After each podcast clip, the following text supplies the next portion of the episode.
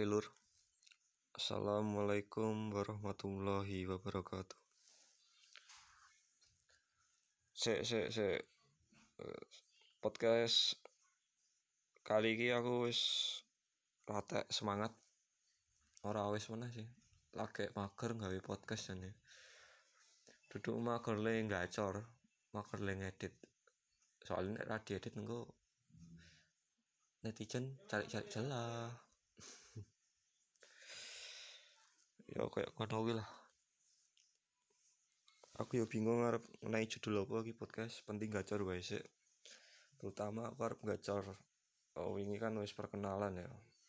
Hmm, aku pengen detail ke eh wingi ora perkenalan sih kayak sebuah cerita awal ya awal mula. Hmm, aku berani melangkah untuk merubah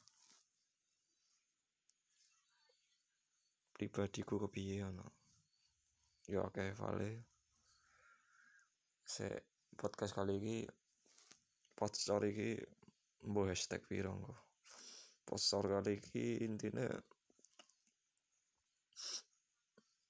aduh kok kayak wong nangis Pocor kali ini apa ya enak ya? Oh iya bahas UKM ku luwih detail ya. Jadi judulnya engko enake UKM ku Venecis. Podcastku pen gacor. Kui judulnya. Sek poin sik arep tak bahas ki jane ya isih ana sangkut paute karo sik wingi, tapi tak jabarke sithik meneh wae. Jadi selama menjalankan menjadi pelaku usaha UKM, usaha kecil menengah atau UMKM mungkin, uh, usaha mikro kecil menengah kalau nggak salah. Mohon di kalau salah mohon di kritik dibales neng WA yo karepmu. Nek saya kenal aku nek ora ya wis. Lupakan. Ya intinya kui uh, usahaku kui nggak luput dari yang namanya awalan COD yo awal mulanya berasal dari COD berawal berasal berawal dari COD aku ora iso ngenai tips. Seiso aku yang mau iso sharing ini judul podcastku yo deskripsi ini kan pin gacor wadah kanggo ngegas sharing dan edukasi kaum kaum kecil ya. Setidaknya aku bisa sharing dikit-dikit. Gitu jadi aku mau ngenai tips ala-ala aku dewi dan aku yo duduk pelaku usaha sek gede sek sukses bisa bertahap tapi ingin membagikan tips yang ada tentang diriku, pribadiku, dan bagaimana itu menyampaikan sebuah positive vibes yang ada. Gak apa-apa, sampaikan saja. Itu prinsipku. Jadi moto hidupku itu apa ya? Apa ya man? Ya moto hidupku yang dulu sering tak tulis di makalah tuh dan di buku tahunan tapi nek buku tahunan kok eh nganggo basa Jawa lali aku intine urip ki awak dhewe urip ki dadi yo sik luwih migunani bagi sesamanya intinya ngono lah nek kleru kleru kleru aku kalimatnya tapi intinya kayak ngono tak campur aduk. Jadi awak dhewe urip yo ora semata-mata monggo awak dhewe. Sebisa mungkin kita bermanfaat untuk sekitar kita yang paling dekat. Uh, guru batikku SMP pernah menai aku pembelajaran ya. Orang mung batik Pak Parjo. Terima kasih. Beliau dari SMP dan kok beliau? Uh, beliau beliau dari SMP emang saya saya kenali. Dulu di SMP saya pas angkatan saya dan kelas saya D itu kelas saya D di SMP suatu SMP ketemu Pak Parjo di uh, muatan lokal ya pelajaran muatan lokal. Dulu kan ada bahasa Jawa batik dan elektronika apa apa saya ambilnya batik. Dan konyolnya saya saya masuk batik itu saya cowok sendiri cowok. Saya cowok sendiri. Dan yang lainnya perempuan. Oh shit.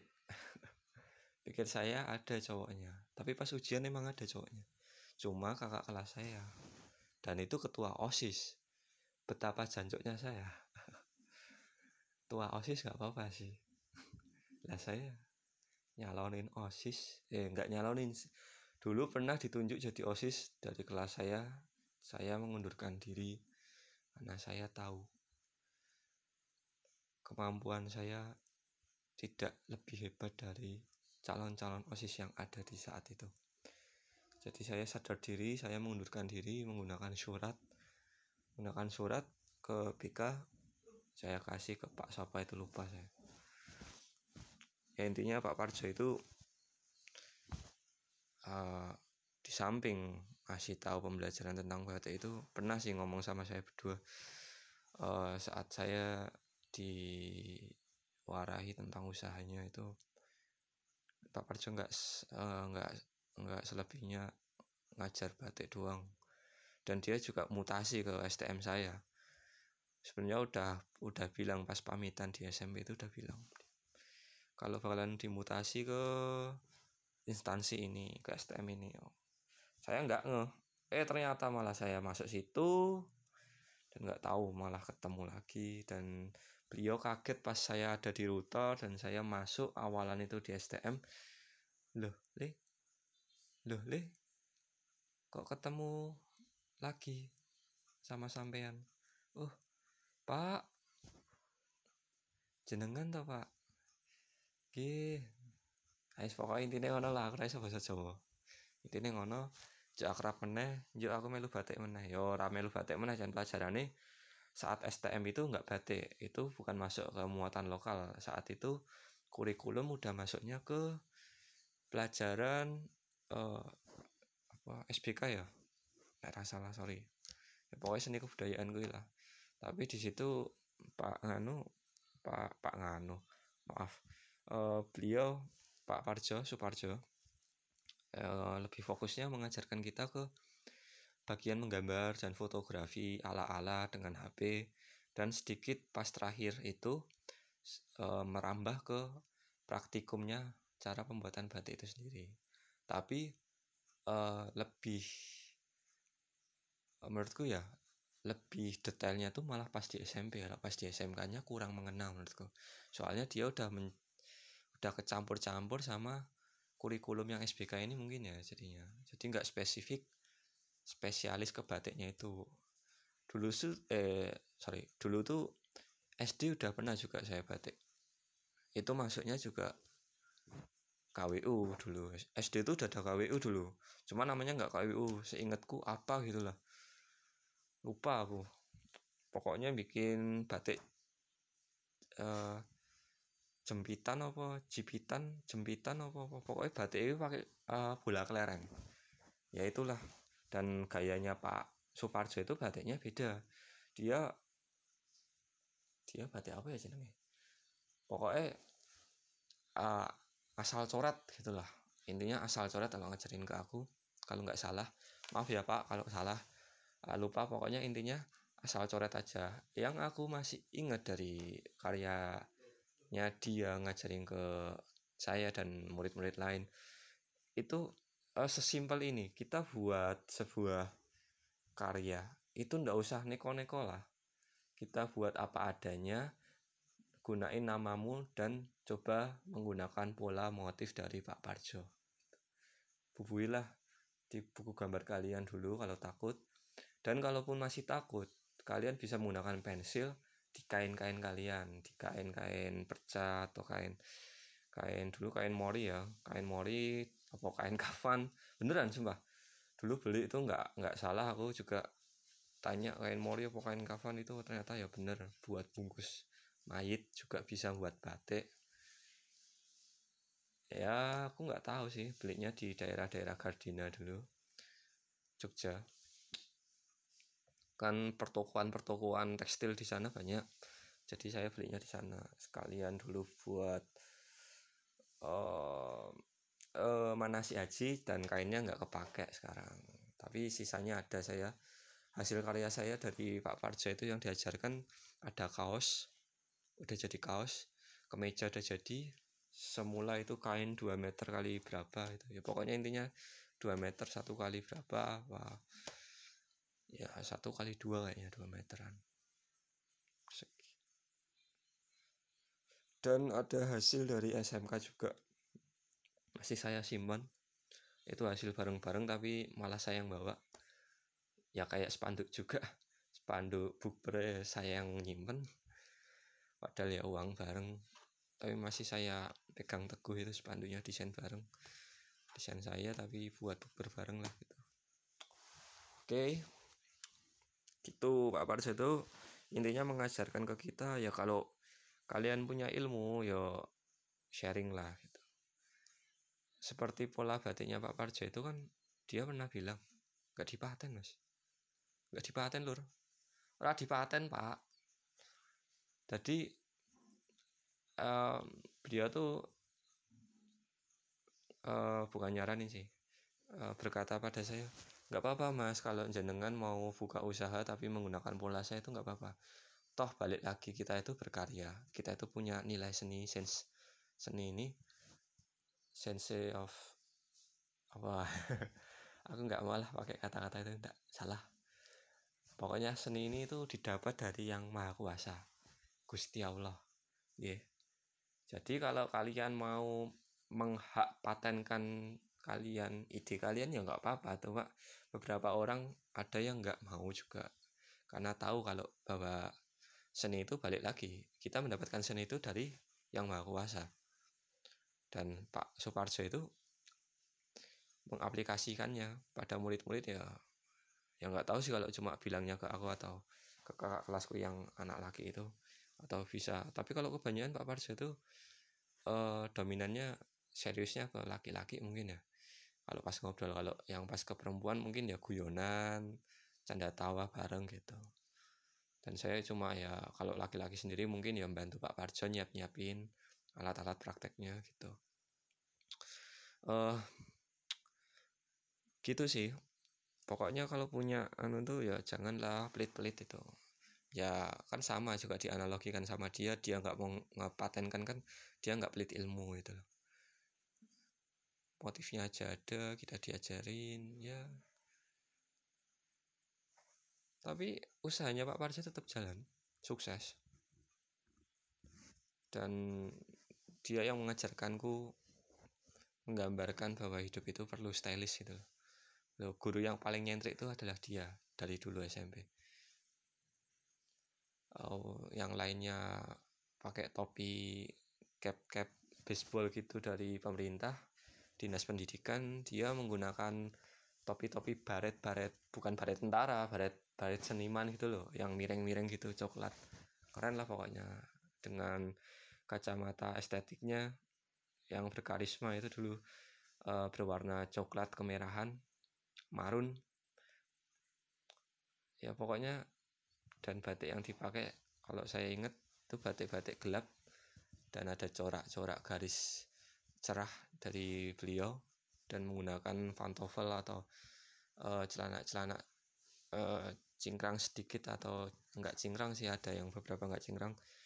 Pokoknya stylish lah stylish di zaman sekarang juga buat para seniman kan kadang sering dipakai tau. Kita tuh gaya trennya juga kayak gitu. Kalau nggak salah ya pak. Maafin kalau salah.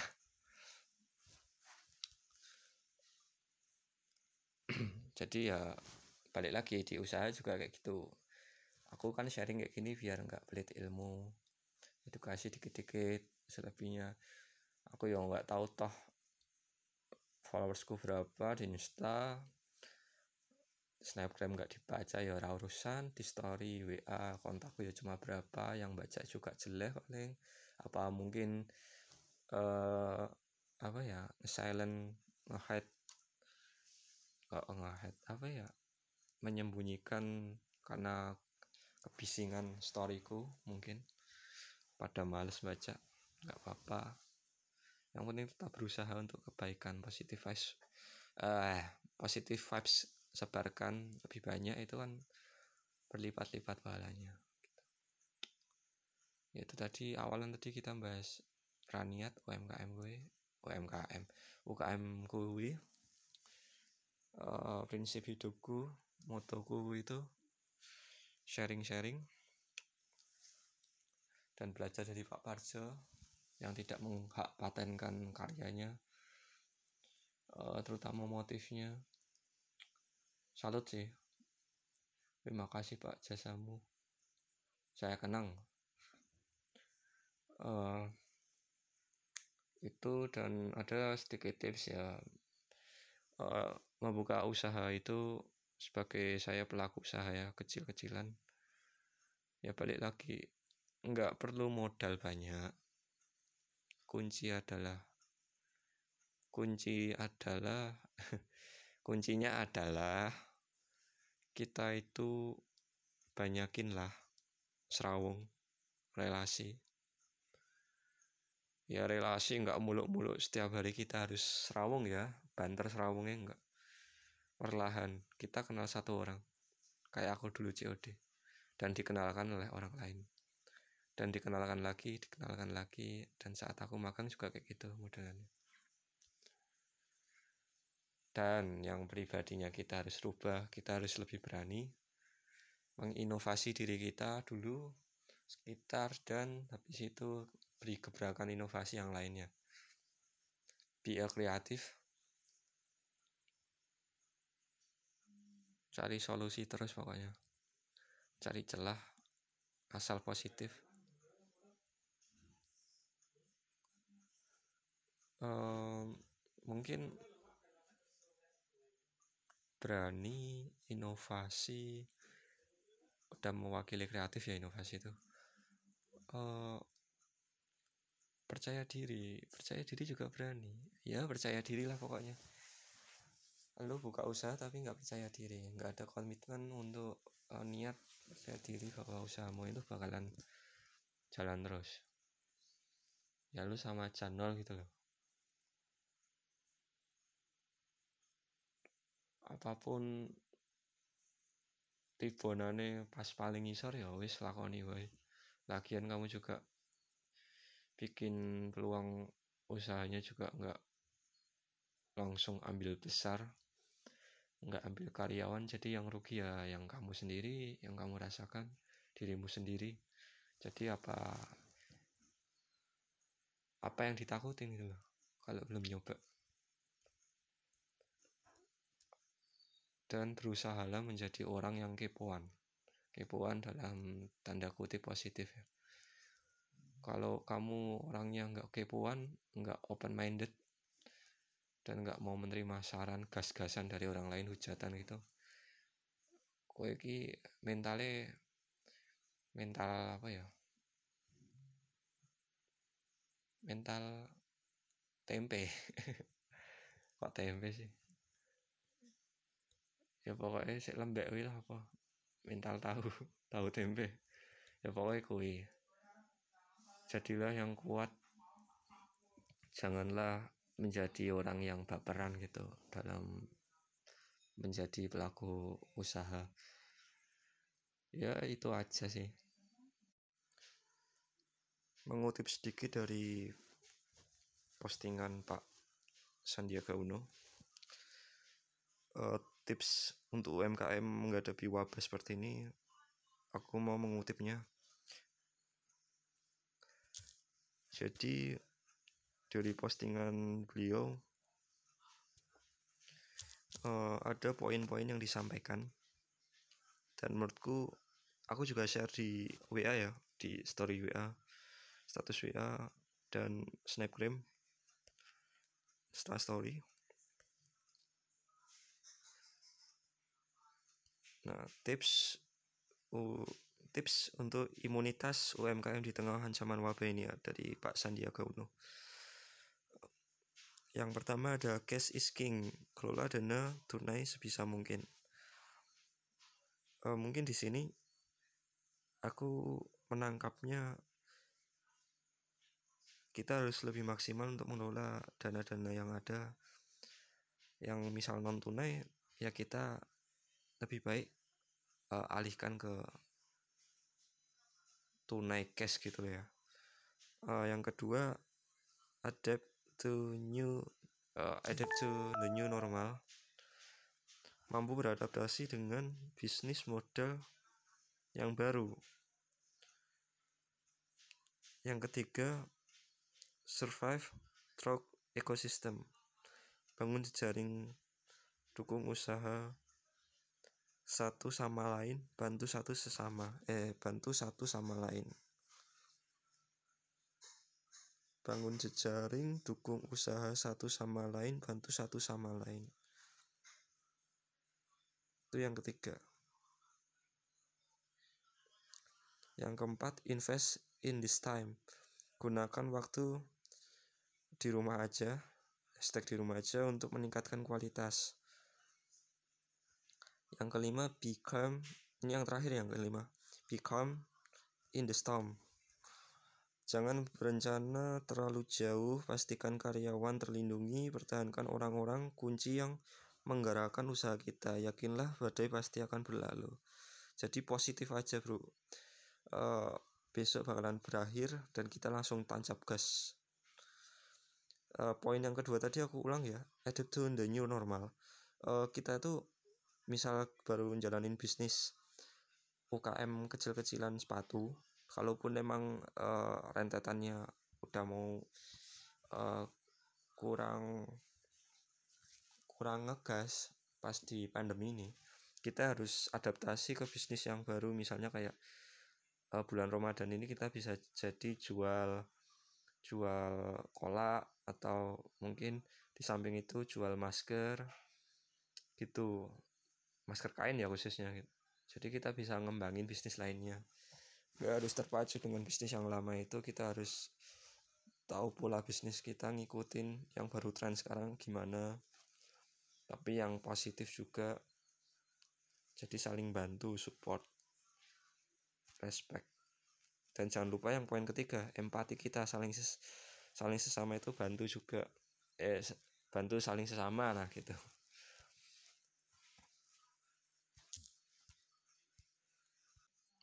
yang kemarin belum aku detailin ya. Dan di saat pandemi ini ya mohonlah buat teman-teman ubah prosedur kalian dalam berusaha eh dalam menjalankan usahanya. Hindari kontak langsung kalau bisa menggunakan pihak ketiga untuk jasa dan barang gosen atau JNE ya entah sampai kapan juga aku makanya bikin podcast segala macam dan YouTube. Ya akun-akun lainnya juga masih banyak akunku pribadi dan hmm, beneficial and treatmentnya ini ada juga akunnya. Ya itulah. Intinya itu YouTube juga ada sih pribadiku dan YouTube-nya Benecis tapi belum aku mau jabarin dulu di sini karena masih proses. Yang jelas yang sudah ada itu ya podcast ini dulu lah.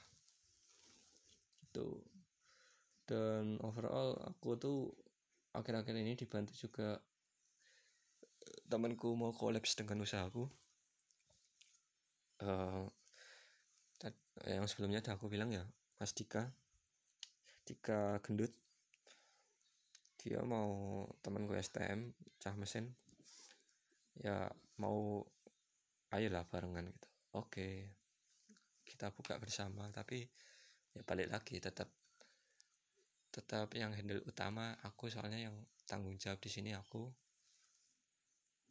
Apa pun itu termasuk konten podcast ini.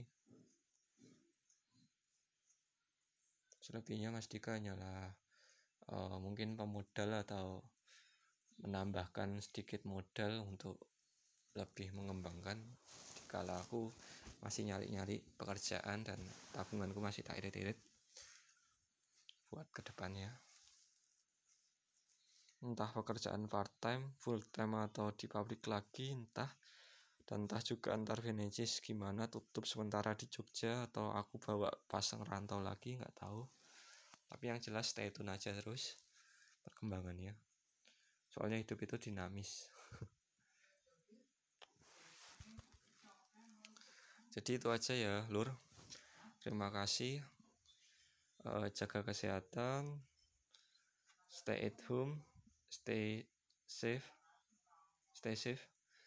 Uh, jangan lupa cuci tangan. Banyakin minum air putih. Istirahat yang cukup. Hmm, tetap pakai masker kalau keluar-keluar yang kerja ya kerja gunain protokol yang baik dan yang di rumah ya ya gunain tetap gunain protokol yang gimana pun kalau kalian mau belanja bagaimana ya, ya. Uh, oke. Okay. salam ngegas kanggo wadah ngegas. Ben gacor podcast podstar. Terima kasih. Wassalamualaikum warahmatullahi wabarakatuh. Chill